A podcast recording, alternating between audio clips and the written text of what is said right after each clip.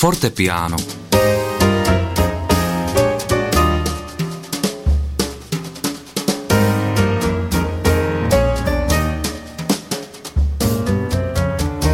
Náš život je cesta. Neustále od někud někam jdeme, něco hledáme, po něčem toužíme.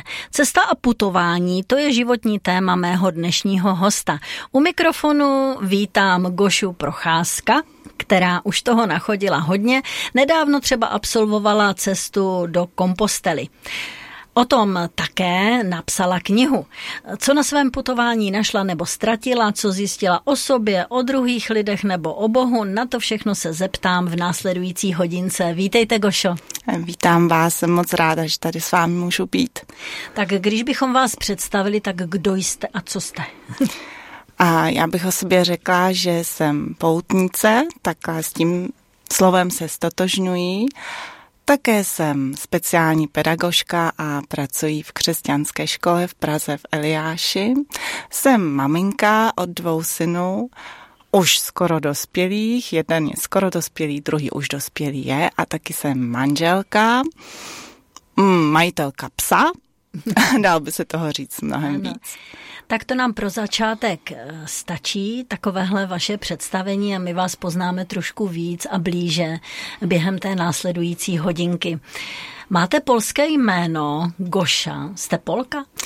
Jsem Polka, moji rodiče jsou Poláci a jsou to učitelé polštiny, vysokoškolští, dnes už v důchodu a celý život vlastně taky cestovali po světě a učili tu polštinu na různých univerzitách, eh, mimo jiné v Praze na Karlově univerzitě, ale i v Německu, v Bulharsku, v Číně, v Pekingu, tak jsem ráda, že u jedné z těch cest jsem se narodila zrovna v Praze, ne v Pekingu. No, kdybyste se narodila v Pekingu, možná byste měla jiné jméno, kdo ví. Asi by mi zůstalo polské jméno, ale možná bych uměla jiný jazyk ještě. Tak eh, když se bavíme o tom polském původu, tak se samozřejmě musím zeptat, jestli jste v Polsku vyrůstala, nebo jak dlouho jste v Polsku byla? Já mám ten život přesně v tuhle chvíli, je mi 51 let a spočítala jsem si, že přesně tento rok je to polovina mého života strávená v Polsku a polovina už v České republice a různě se to míchalo v průběhu toho života, ale ty nejranější léta školkové a školní jsem strávila v Polsku. Tak určitě se musím zeptat, jaké to tam bylo. Jaký byl život v Polsku pro vás?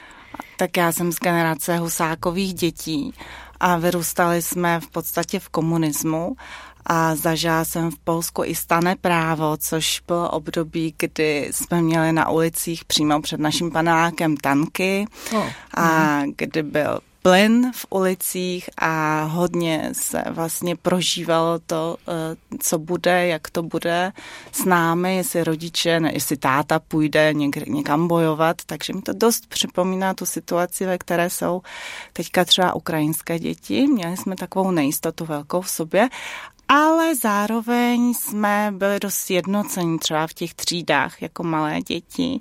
Chodili jsme mm, všichni do kostá na náboženství, což byl takový paradox, protože na jedné straně... Za komunismu. Mm, ano, na jedné straně opravdu ty tanky na ulici byly a na druhé a byla tam ta policejní hodina, kdy jste museli být doma a po desáté hodině nikdo nesměl být venku a na druhou stranu děti opravdu chodili do kostá všechny. Hmm. Polsko je katolická země, byla a je velmi silně katolická. Promítlo se to do vaší rodiny také? A, tak moji rodiče docela dost bojovali s tím katolicismem.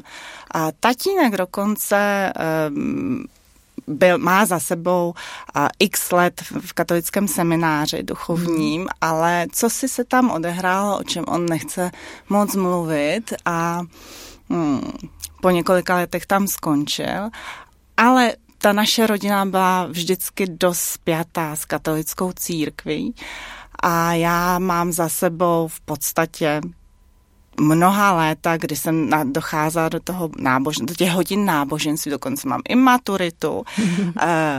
to bylo velmi maturitu zajímavé. Maturitu z náboženství? Ano, přesně tak, maturitu z náboženství. V podstatě v tom Polsku ten proces výuky dítěte a ve víře, výchově ve víře a zahrnuje v současnosti už předškolní výchovu až opravdu po tu maturitu a to jsem já všechno absolvovala.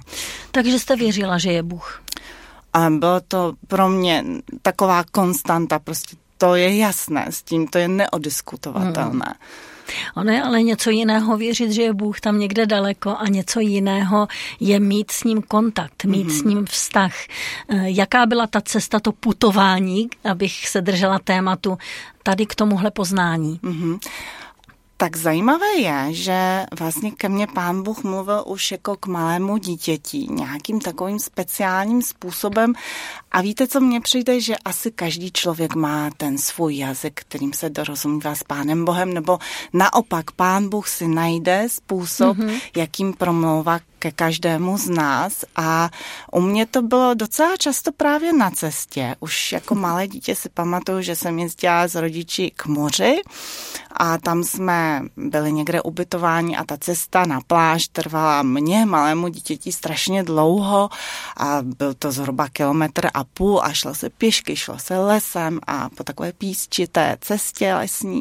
A já jsem tam někde ztratila řetízek, který jsem dostala během prvního přijímání jako dárek od, od mé milované tety. A prostě najít potom ten řetízek někde na té písčité cestě bylo v podstatě uh, racionálně, když to vezmete, naprosto nemožné. Mm, ale mně se stalo to, že jsem se za to tak jako jednoduše dětsky modla, pane bože, dej, ať to najdu. A následující den jsme šli opět na pláž, opět tou samou písčitou kilometra půl dlouhou cestou. A já jsem se ohla dolů, e, proto abych si zavázala tkaničky a ten řetízek tam byl. Takže takovým způsobem se mnou pán Bůh už od dětství mluvil skrze právě různé příhody, které se mi stávaly, skrze lidí, které jsem potkávala na cestě. Byl to jeho jazyk a zůstává takový do dneska. A máte nějaký určitý moment, mm-hmm. kdy jste opravdu navázala ten kontakt s Bohem, ten živý vztah, kdy pro vás začal být osobní? Mm-hmm. Uh, myslím si, že průlomové bylo to, protože samozřejmě v, průbo, v průběhu života se začaly dít různé věci, kdy jsem s Bohem ztrácela kontakt, kdy mm-hmm. jsem od něho odcházela, když jsem a, se vstekala, debatovala a chtěla to mít všechno sama pod kontrolou a byly to taková bouřlivá léta, kdy jsem si i dělala jsem si, co jsem chtěla, ale pán Bůh na mě nezapomněl a vidím v tom a, takové mm, stěžení, stěžení moment. Já jsem teda a, vyrůstala v Polsku, pak jsme se stěhovali do České republiky právě, když rodiče odjeli, nebo máma tenkrát odjela na několik let, aby mohla učit na Karlově univerzitě a jsem měla s ní. A byla jsem tam tři roky, chodila jsem do České základní školy a pak jsme se vrátili. A já, když jsem se vrátila do toho Polska, tak jsem šla opět do polské základní školy a do určité třídy a v té třídě byla jedna holka, ta se jmenovala Aneška a je to moje vlastně nejbližší kamarádka dodnes, takže se známe prostě přes 40 let. Eh, no a ta Aneška uh, uvěřila. Ta uvěřila v, určitý moment, když už jsme byli dospělé. Uh, vzala si za muže člověka, který byl taky věřící a oni založili takovou malou skupinku, kde se četla Bible a povídalo se o Bohu, prostě klasická křesťanská skupinka. A ten její manžel za mnou zas, začal docházet. Já jsem v té době byla jako opravdu bouřlivě eh, odpoutaná od Pána Boha, od církve, od čeho, vůbec jsem na to nemyslela. A pamatuju si, že chodil za mnou, mluvil se mnou a neustále mi připomínal, prosím tě, tady pán Bůh, tady, a taková klasická evangelizace, na kterou já jsem vůbec neslyšela. A dělal to tři měsíce důsledně že se se mnou setkával a jednoho dne mi řekl jedinou větu, která mě úplně zasáhla. A to, bylo, ehm, to byla tahle věta. Prosím tě, tvůj život je jako pokoj, eh, ve kterém je nábytek úplně zpřevrácený vzhůru nohama, všechno leží, leží na zemi, je tady naprostý nepořádek. A to, co děláš ty, je to, že věšíš jakési záclony na okně a myslíš si, že to spravíš. A mě to jako hodně zasáhlo tohle a říkala jsem si, no on má vlastně pravdu ten člověk, tak co mám teda dělat? Mm-hmm.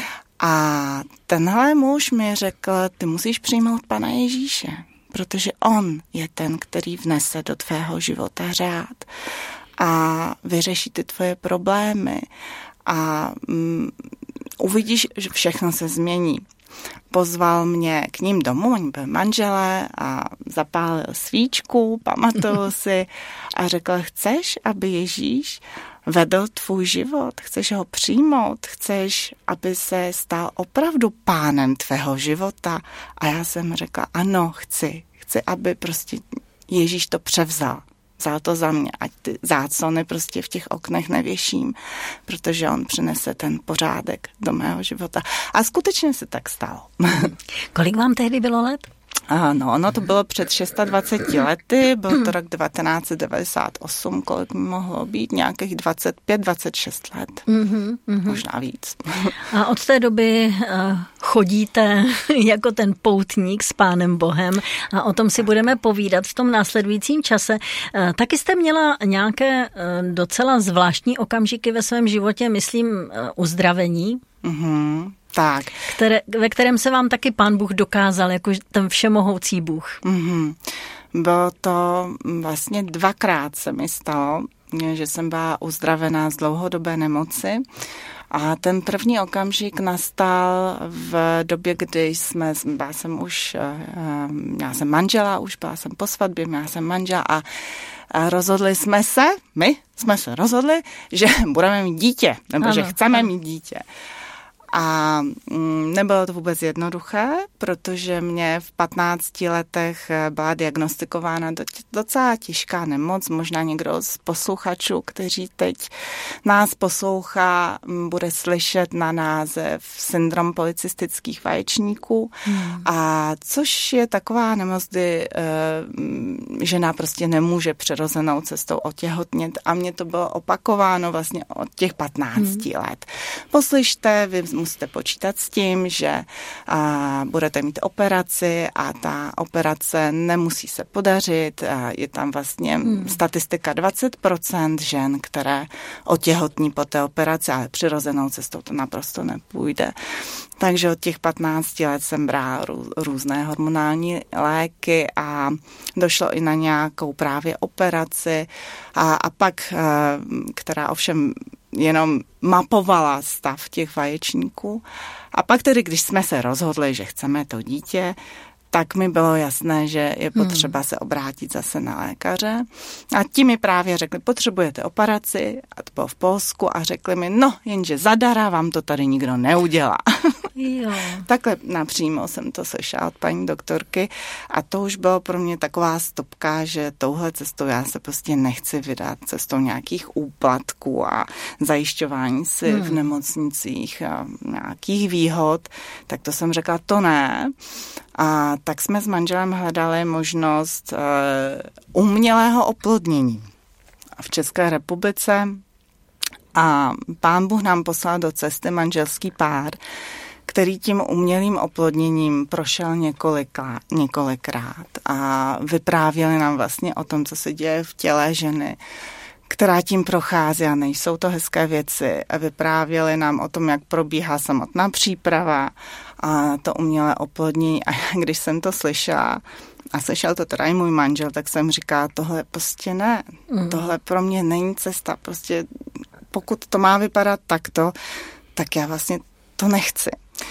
Takže jsem se modlila, zároveň jsme u toho právě s tou Aneškou mojí, nejlepší kamarádkou a jejím manželem, poslouchali v té době ještě kazety magnetofonové. S vyučováním eh, o, o, o tom, jakým způsobem eh, Bůh ovlivňuje a naše tělo, co přináší do našeho života požehnání od Pána Boha a co naopak může přinést prokletí. Hmm. To bylo takové pro mě novinka a vyučování bylo od jakéhosi amerického hmm. misionáře, který v té době v Polsku působil. No a my jsme se rozhodli, že za ním pojedeme. A, a to byla zase dlouhá cesta. Ano, ano. A, mm, prostě z centra Polska, kde jsem byla, až k moři. Jeli jsme celý den, po cestě nám kleklo auto. Bylo to velmi dobrodružné a dramatické a dobrodružné. Přijeli jsme za Jerrym a Jerry Dean se jmenuje ten misionář, dodnes působí v Polsku, v Gdyni a e, on s námi mluvil a mluvil s námi o takových základech hmm. a ptal se, přijali jste pána Ježíše do svého života? Ano. A jste v nějakém sboru? Ne, máme svoji skupinku. Mm-hmm. Aha, a je v té vaší skupince nějaký starší z nějaké církve? Není. jste pokřtění? Nejsme a vlastně Ty uváděl nás věci. do takových mm-hmm. základních opravdu věcí, že je sice krásné a hezké, že jste přijali Pána Ježíše, že s ním chcete chodit, že je pánem vašeho života, ale člověk musí být někde zakořeněný v nějaké církvi.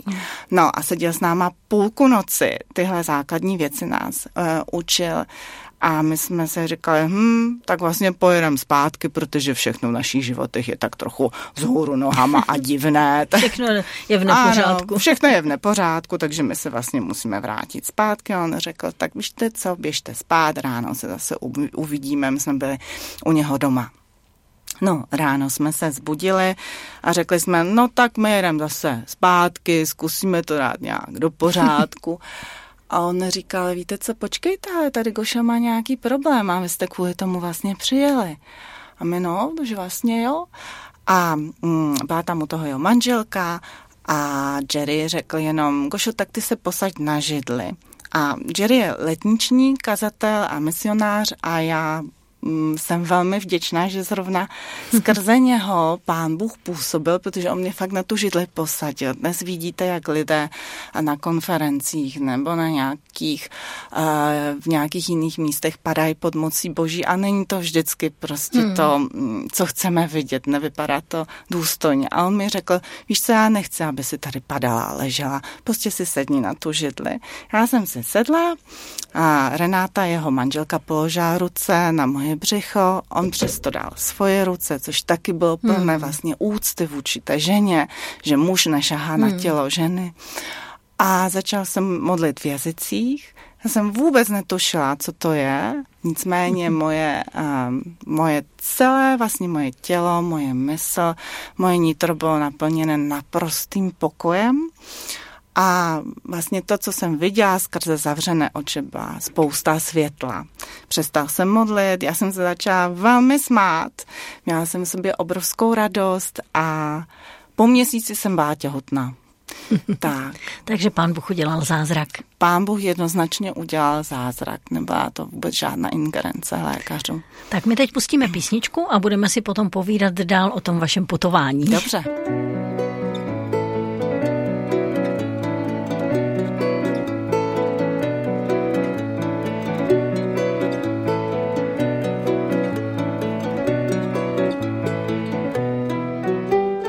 Na Rádiu 7 posloucháte pořad Fortepiano. Dnes je mým hostem Goša Procházka a máme téma putování. Jsme na cestě a teď se vydáme na tu vaší cestu trošku konkrétněji, Gošo. Hmm. Už jsme slyšeli o tom, jak pán Bůh promluvil do vašeho života i, i skrze to uzdravení, i jiným způsobem a že, že vlastně to putování vás provází celý váš dosavadní život. Píšete blog, natáčíte videa o svém putování a zážitcích, napsala jste knihu, o té budeme určitě ještě mluvit. Kde se to vzalo všechno?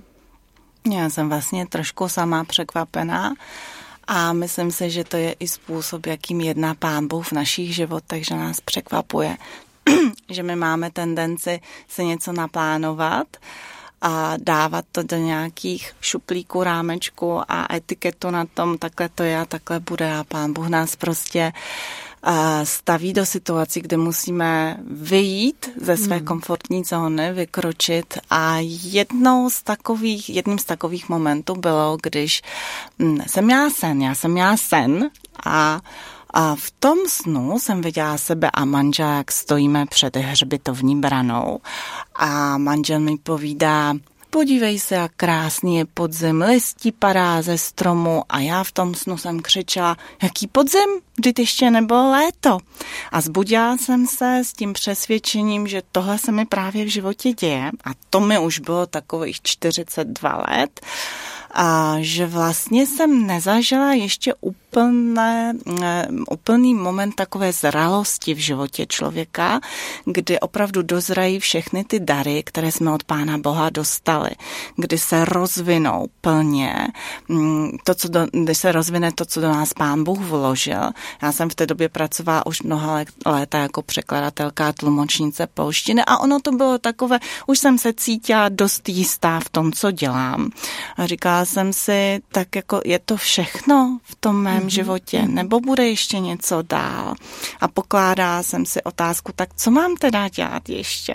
A pán Bůh mě právě začal překvapovat, protože vlastně taková iniciace, by se dalo říct, byla v určitém momentu, když jsme byli s manželem na horách, v Lužických horách a stáli jsme před jakýmsi rozcestníkem, kde bylo napsáno pět kilometrů tamhle je tahle hora, dva kilometry tamhle je tahle hora a pod tím byla cedulka, na které bylo napsáno eh, eh, dálková cesta E3 Atlantik Černé moře.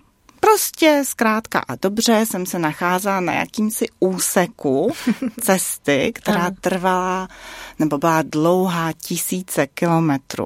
A já jsem zažila tam v těch Lužických horách takový aha efekt, kdy jsem si říkala, aha, takže já jsem na nějakém malinkém úseku, zažívám v tom svém životě malinký kousíček čehosi, ale ono je to mnohem delší, má to daleko větší možnosti, ty můžeš jít dál, ty prostě nemusíš být tady jenom v těch Lužických horách, můžeš dojít až k Atlantiku.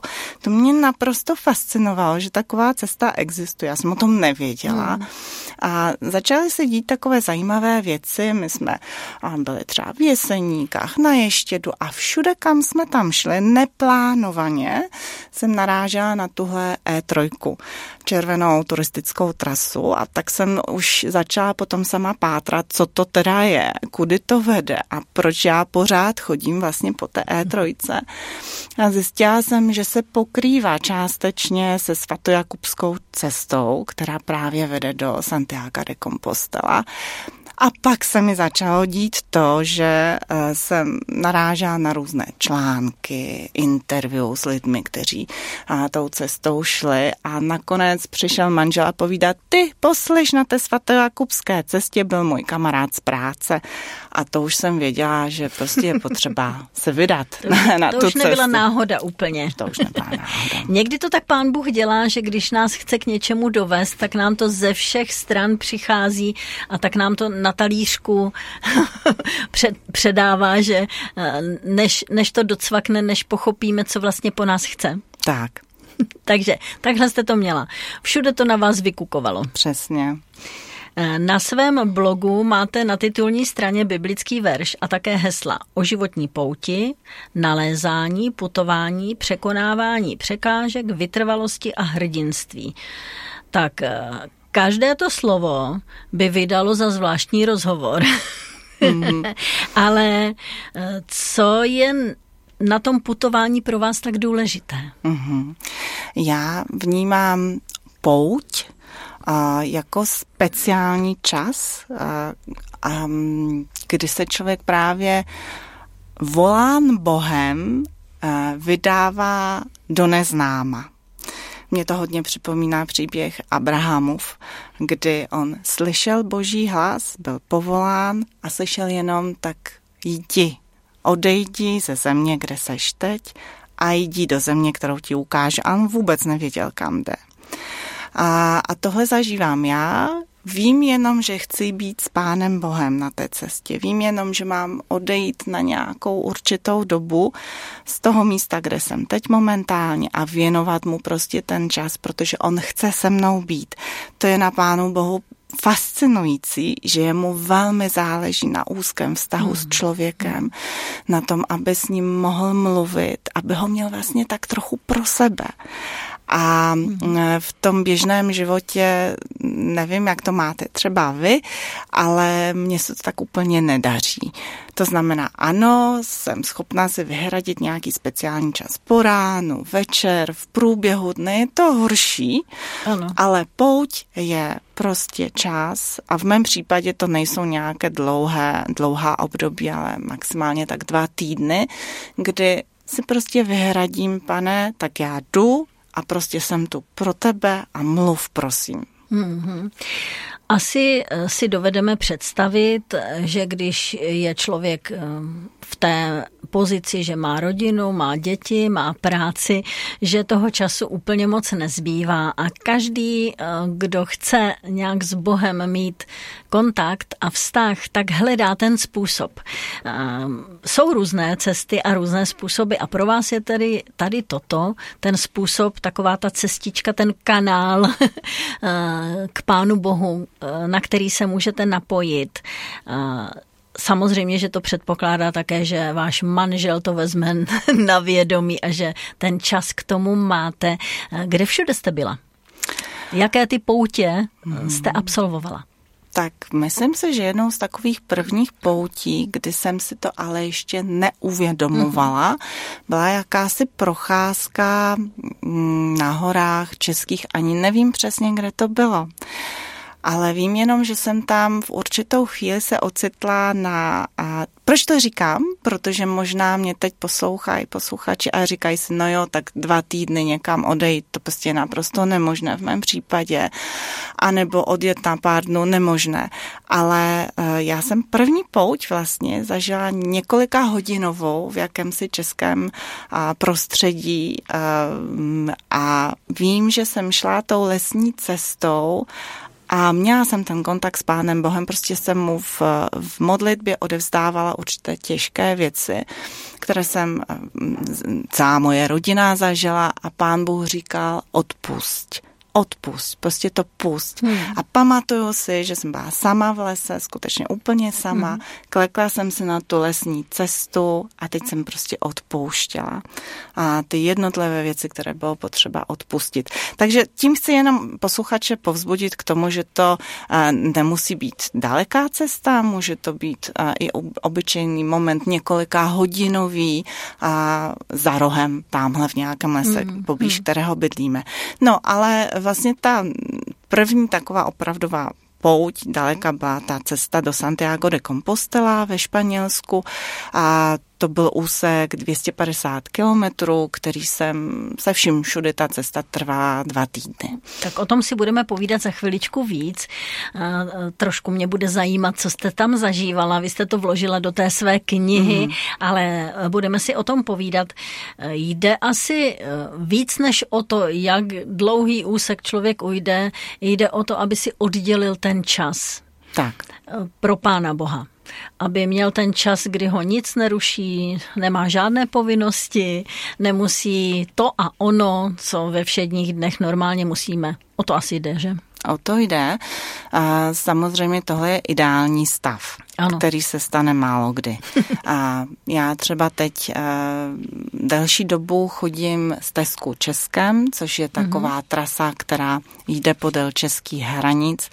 A já to jdu na etapy, protože celá ta cesta je dlouhá víc než 2000 kilometrů, tak já si to tak kouskuju různě a pamatuju si, jak jsem měla v plánu, že prostě měla jsem vyčleněný právě čas a zhruba dvou týdnů, eh, kdy jsem hodlala prostě ujít Krušné hory a ještě kus k tomu. A vydala jsem se na tu cestu, byla jsem velmi natěšena a skutečně, když jsem už, když jsem vykročila, tak jsme s Pánem Bohem navázali takový úzký rozhovor a pak se stalo to, že po dvou dnech uh, mi zavolala sestřička z nemocnice nebo z domova seniorů, kde přebývá moje maminka a říká, podívejte se, maminka je na kapačkách. A já jsem zrovna v tu chvíli, když mi zavolala, byla jsem poblíž nějakého města, kde byl dopravní úzel a tak jsem řekla do telefonu, dobře, tak já jedu. A prostě jsem se z té cesty otočila, nasedla jsem do vlaku a odjela a ta cesta pro tuto chvíli skončila. Mm-hmm. Takže i tyhle věci se prostě dějou. My jsme zasazení do rodin, jsme zasazení do vztahu, eh, o kterém musíme pečovat. A i když si ten čas eh, vyhradíte, může se stát, že bude ukončen. Ale zajímavé ještě, eh, dopovím, zajímavé je to, že po té, co jsme se o maminku postarali, tak já jsem se na tu cestu mohla potom vrátit. A vlastně navázala jsem tam, kde jsem skončila, přesně v tom stejném městečku, ve chvíli, když jsem tam přijela, a tak byla velká bouřka, vystoupila jsem z vlaku a ve chvíli, když jsem vystoupila, tak vysvětlo slunce a na nebi se ukázala velká duha. A já jsem věděla, ano pane, jsme tady zpátky, navazuju na to, o čem jsme vlastně mluvili. tak po písničce se vydáme na tu cestu do Santiago.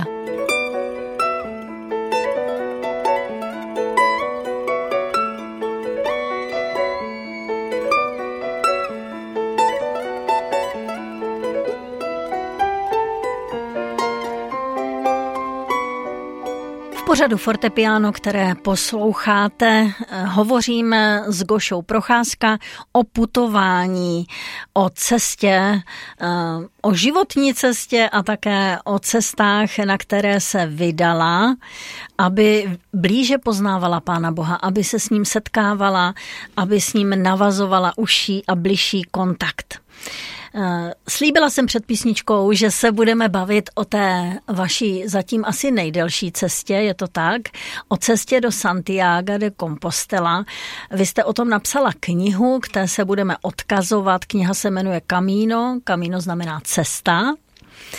Tak eh, co vás vedlo k tomu, abyste zrovna tuhle cestu absolvovala? Je, je těch různých tras, které je možné projít, eh, velká řada. Eh, trošku maličko o tom vím, náš syn také putuje rád. Na různé ne, trasy se vydává od někud někam a jsou to dlouhé trasy. Ale proč jste si vybrala zrovna tady tuto? Já bych spíš řekla, že si ta trasa vybrala mě a že jsem, nebylo to tak, že jsem si řekla, tak já půjdu do Santiago de Compostela, ale skutečně tak, jak jsem to popisovala, já jsem na ty um, odkazy na tu trasu a narážela v průběhu dvou let. Zase vám to tak přicházelo ze všech stran. Přicházelo to přesně tak ze všech stran a nakonec jsem tedy pochopila, že prostě tu, tu, tu cestu mám absolvovat. A takže to byl ten impuls. Nevybrala jsem si ji, nevymyslela jsem si ji. A prostě ke mně přišla mm, a byla, myslím si, že mi byla dána. Tak, pojďme tedy na to. Co jste tam zjistila? Ten proces je docela dlouhý a ta cesta je náročná, co jsem slyšela. I po té fyzické stránce, že to není úplně tak, eh, jenom taková malá procházka. Mm-hmm. A vy jste procházka. Já jsem procházka. A já jsem procházka, přesně. E, musím říct, že od samotného začátku, kdy jsem vystoupila v městečku Ponferada, já jsem nešla, eh, takhle, ještě dá se říct, že tu cestu můžete jít eh, v různých úsecích. Samozřejmě jsou lidé, kteří eh, vyráží z České republiky a jdou až do toho Santiago. Před těmi co? smekám. Hmm, tak. Nevím, jestli je nutné před nimi ano. smekat. Myslím si, že prostě každý to má nějak jinak. Ano. A naprosto chápu, že někdo může odejít z domova a jít hmm. to takhle. A já jsem věděla, že prostě nemůžu tu rodinu nechat eh, na déle, než prostě tak mi to srdce říkalo dva týdny, ano, ale pak už by to nebylo únosné hmm. pro ten náš rodinný systém. Ano. A takže vybrala jsem si nějaký úsek 250 kilometrů dlouhý A uh, už od momentu, kdy jsem vystoupila z autobusu v Ponferádě, vlastně to bylo nádherné v tom, jak mi pán Bůh stavěl do cesty různé lidi, události, předměty a ty ke mně hodně mluvily. A hned, co jsem vystoupila z toho autobusu, tak jsem šla pěšky do ubytovny kterou jsem měla objednanou. To byla první ubytovna, kterou jsem si objednala v Praze ještě, v pokoji, výhradně pro ženy. A viděla jsem, že podobnou cestou na druhé straně ulice jde nějaká mladá holka. Zaregistrovala jsem ji a pak jsme se chvilku po té cestě městem neviděli a já jsem přišla potom do ubytovny a přišla jsem do toho pokoje, kde byly čtyři muži. A v pokoji, který měl být jenom pro ženy, byly čtyři muži a byla tam ta dívka, kterou jsem viděla už na tom na té, na té ulici a vlastně ta dívka za mnou přišla a začala se mě ptát. Přesně tyhle ty mm-hmm. dotazy, které uslyšíte na svatojakubské cestě vlastně z úst každého poutníka. Tak jak se jmenuješ, odkud jsi, odkud jsi přijela, kam jdeš. A já jsem zjistila, že já vlastně mám velkou potíž odpovědět, jak se jmenuju. Třeba v té době jsem hodně zápasila, jaké je teda to moje jméno. Jestli je to Maugořata, nebo jestli je to Goša, nebo jestli je to Markéta. A vlastně ona mi pokládá takové úplně jednoduché otázky, na které já jsem opravdu těžce hledá odpověď a přitom to jsou základní věci. A vím, že pak se na mě obraceli už po návratu a po napsání právě té knížky, kde tyhle všechny události popisuju, obraceli se na mě lidé a říkali mi, víš, ale já vlastně taky nevím, jaké je moje jméno se kterým tím jménem se stotožňuji a co vlastně to moje jméno znamená. Takže to jsou takové mm, zdá se úplně triviální otázky, ale one jsou ve skutečnosti velmi hluboké.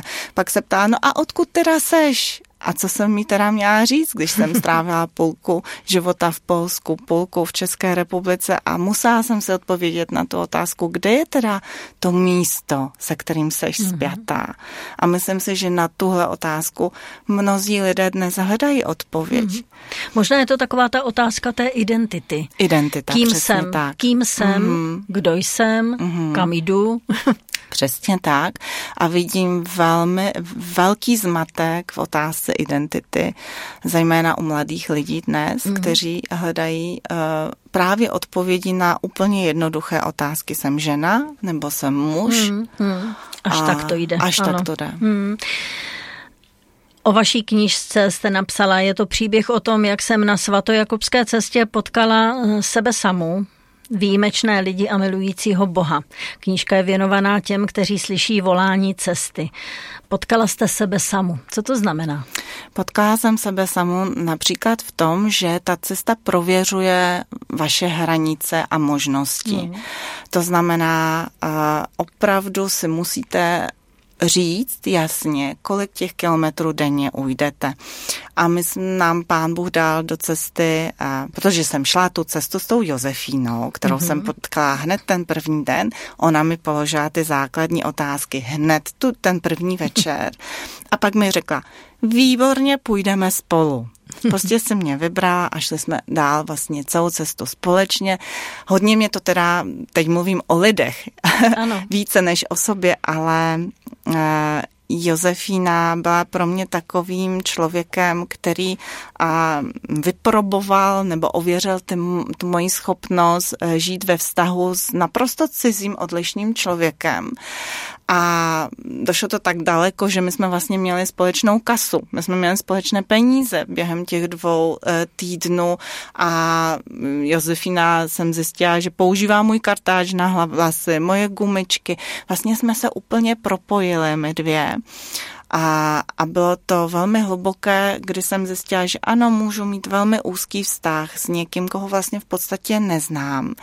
A můžu se s ním dělit o svůj život, můžu jí, vyprá- jí vyprávět. Ty Josefině, ona vyprávěla mě, dělili jsme se těmi životy a to je krásné. Tak mm-hmm. jsme mhm. tam potkali na, na cestě a tři Španělé, kteří vlastně nás potkávali během těch dvou týdnů neustále a věřím tomu, že nám je pán Bůh poslal, protože nám pomohli, velmi nám mm-hmm. pomohli během té cesty. Zejména Josefíně tam stá taková věc, že v podstatě si odrovnala nohy, měla nohy plné puchýřu a nemohla jít dál. A e, to, co jí mělo pomoct, byla výměna bot, jenomže my jsme byli zrovna na takovém úseku cesty, kde žádný obchod neexistoval, mm-hmm. nedalo se prostě s tím nic dělat. A tihle Španělé, na které jsme naráželi v průběhu té cesty, těm jsem to vyprávěla, podívejte se, Josefína nemá v čem mít, má puchýře, potřebuje sandále a my prostě tady nemáme sandále, jsme bezradné. A jeden z těch mužů, Juan Carlos, sundal ze svých nohou sandále, které měly úplně stejné číslo, jako byly boty Josefíny a řekla, tak si je vezmi, já mám náhradní boty a ona vlastně šla a v sandálech toho muže, hmm. což bylo taky velmi symbolické. Symbolické dost. Hmm, hmm. Tak. Eh, vy jste tam šla s určitým cílem, hmm. být s Pánem Bohem, hmm. více ho poznat, něco od něho zaslechnout. Hmm. S jakým cílem tam šla ta Josefína? Ano, Joze, to je velmi dobrá otázka, děkuji za ní, protože uh, Josefina zase symbolicky byla představitelkou mnohých lidí, kteří tu cestu jdou. A Josefina, myslím, že taky šla najít Boha, ale nevěděla, jak se ten Bůh jmenuje, nevěděla, eh, koho vlastně hledá.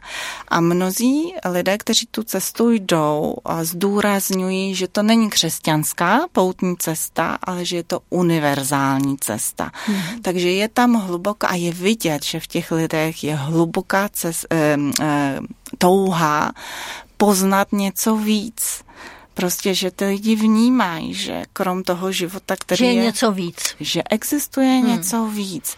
Mluví o, o té cestě, e, říkají Milky Way, hmm. má, že je to m, mm, prostě ta mléčná dráha, která je tam vidět. Hmm. Že lidé, kteří tou cestou putovali, byli to lidé, kteří e, šli podél té mléčné dráhy až k tomu oceánu. Protože vlastně ta cesta nekončí jenom v Santiago, ona pokračuje ano. ještě dalších 100 kilometrů. A může, až nakonec. Až, až nakonec. Až nakonec, až k oceánu. Až, k oceánu. až, až na konec mm-hmm. světa do Finistery no. můžete dojít.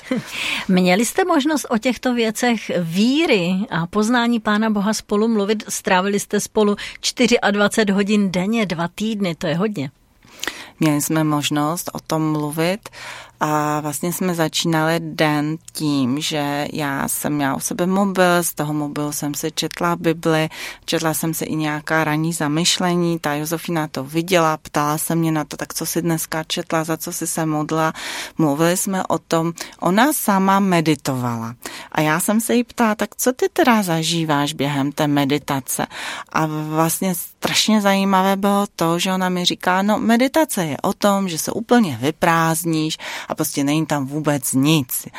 A já říkám, no a, a když teda seš v tom nic, co se tam odehrává, ona říká, víš co, zvláštní je, že mě je tam strašně smutno. Mm-hmm. Takže jsme vlastně mluvili o, o tom mm. rozdílu mezi meditací, a kde se člověk vyprázdňuje a má pocit, že tam už jako víc nic není, čemuž já nevěřím. Tam že to je se, ten cíl, jako, jako kdyby? Jako kdyby, ale, ale ty lidé si zřejmě neuvědomují, že naráží tam na zase jiné, mm, jiné, mm. jiné duchovní prostředí ano, v tom ano, prázdnu. Ano, ano. Mhm. A já jsem jí říká, podívej se, během modlitby vlastně přicházíš k osobě, k osobě, která mm-hmm, ti naslouchá, chce odpovídat, chce s tebou komunikovat, chce vnášet do tvého života.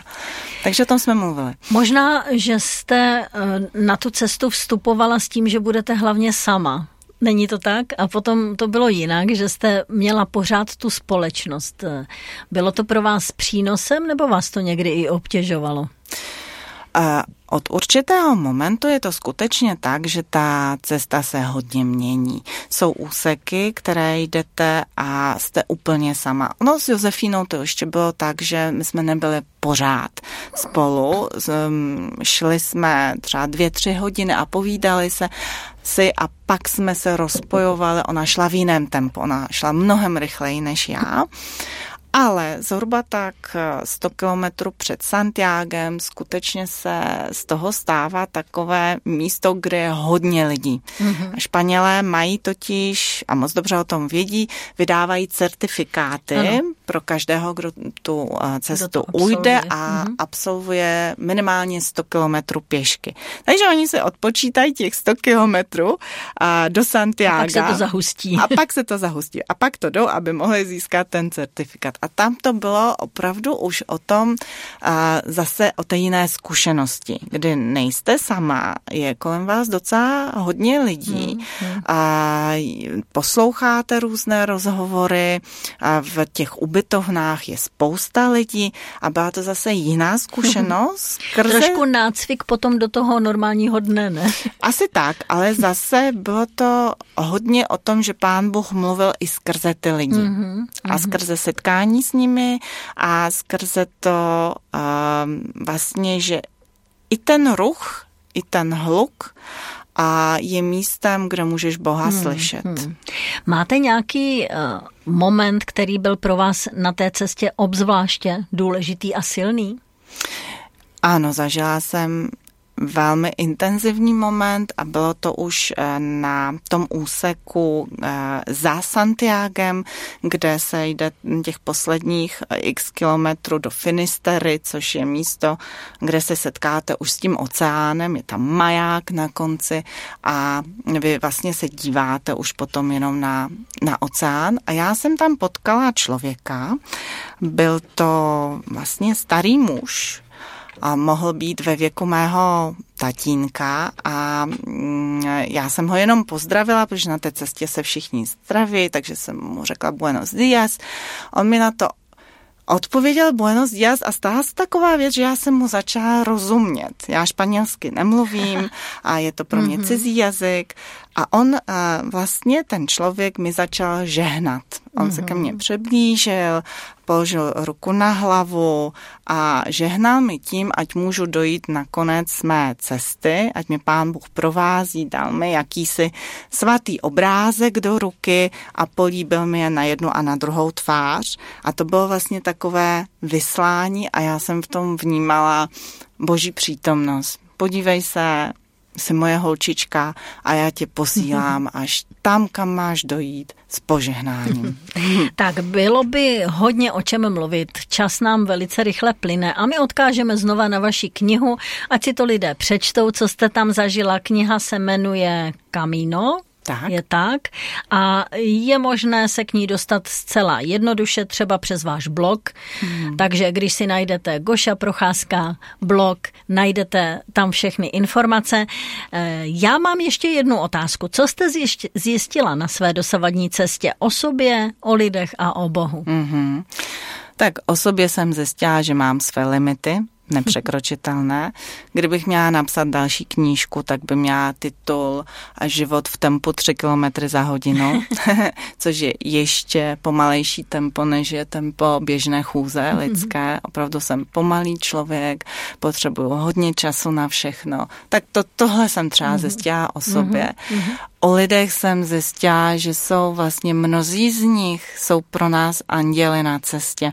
Existuje takový pojem, mm-hmm. který používají poutníci a to je uh, trial angel, což je mm-hmm. anděl na cestě. A lidé dokážou být velmi pomocní, dokážou být vaším společníkem, podporou obrovskou. Pán Bůh je někdy pošle, že? Pán Bůh je někdy velmi často posílá.